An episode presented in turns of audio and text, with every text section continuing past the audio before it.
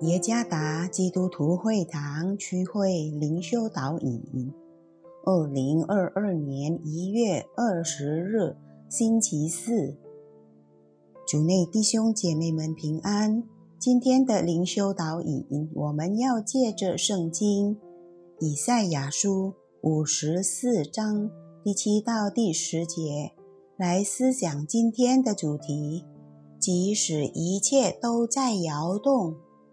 作者蔡国闪传道，以赛亚书五十四章第七到第十节：我离弃你不过片时，却要施大恩将你收回。我的怒气长溢，顷刻之间向你掩面，却要以永远的慈爱连续你。这是耶和华你的救赎主说的。这是在我好像挪亚的洪水，我怎样起誓，不再使挪亚的洪水漫过遍地，我也照样起誓，不再向你发怒，也不斥责你。大山可以挪开，小山可以迁移。但我的慈爱必不离开你，我平安的约也不迁移。这是连续你的耶和华说的。一个忙着玩耍的孩子，打破了祖父留下的一个非常有价值和昂贵的瓦罐。全家人对这个孩子感到震惊和愤怒。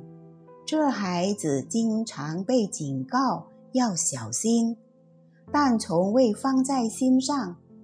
在所有的家庭成员中，最愤怒和最失望的就是他父亲。这瓦罐承载着父亲的回忆，瓦罐是他生日礼物的一个记忆。当瓦罐破碎时，父亲大怒，他把儿子叫过来，一脸失望和伤心地说：“大家都骂过你了，你也无法以何物取代那损坏的。爸真的很想惩罚你，但是你弟兄的愤怒足以给你一个教训。瓦罐确实很珍贵。”但你是我的儿子，就算你毁了最珍贵的，你依然是我的儿子。你对我来说更宝贵，是任何东西都无法替代的。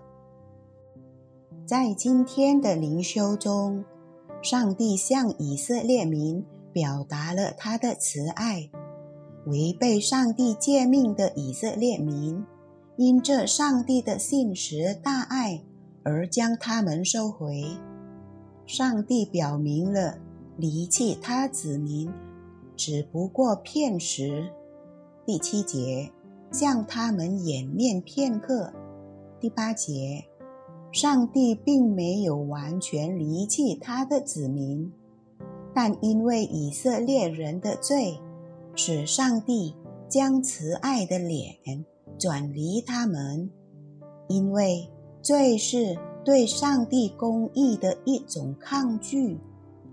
上帝惩罚了他们，但满了爱的上帝再次彰显他的慈爱。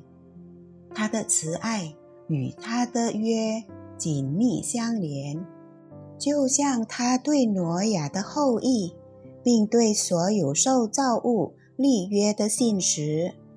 第九节，他的慈爱永远长存，即使大山挪开，小山迁移，但他的慈爱必不离开他的子民。第十节，这是耶稣基督在十字架上实现平安的约，即使世界震动，许多问题。一个接着一个，即使经济崩溃，各个国家政治动荡，邪恶和不公正此刻似乎盛行，甚至是再起的疫情，让世界感到恐惧。上帝对他子民的慈爱永不迁移，上帝坚持到底，保护他子民的性命。这就是他子民在世界波涛汹涌中整个人生旅程的基础。我们因为罪曾经抗拒上帝，透过新约耶稣基督的宝血得挽回。我们将经历上帝坚固而永恒的慈爱，即使。此刻，你心中有极大的震动，投靠那永远坚固磐石的上帝吧。主耶稣赐福。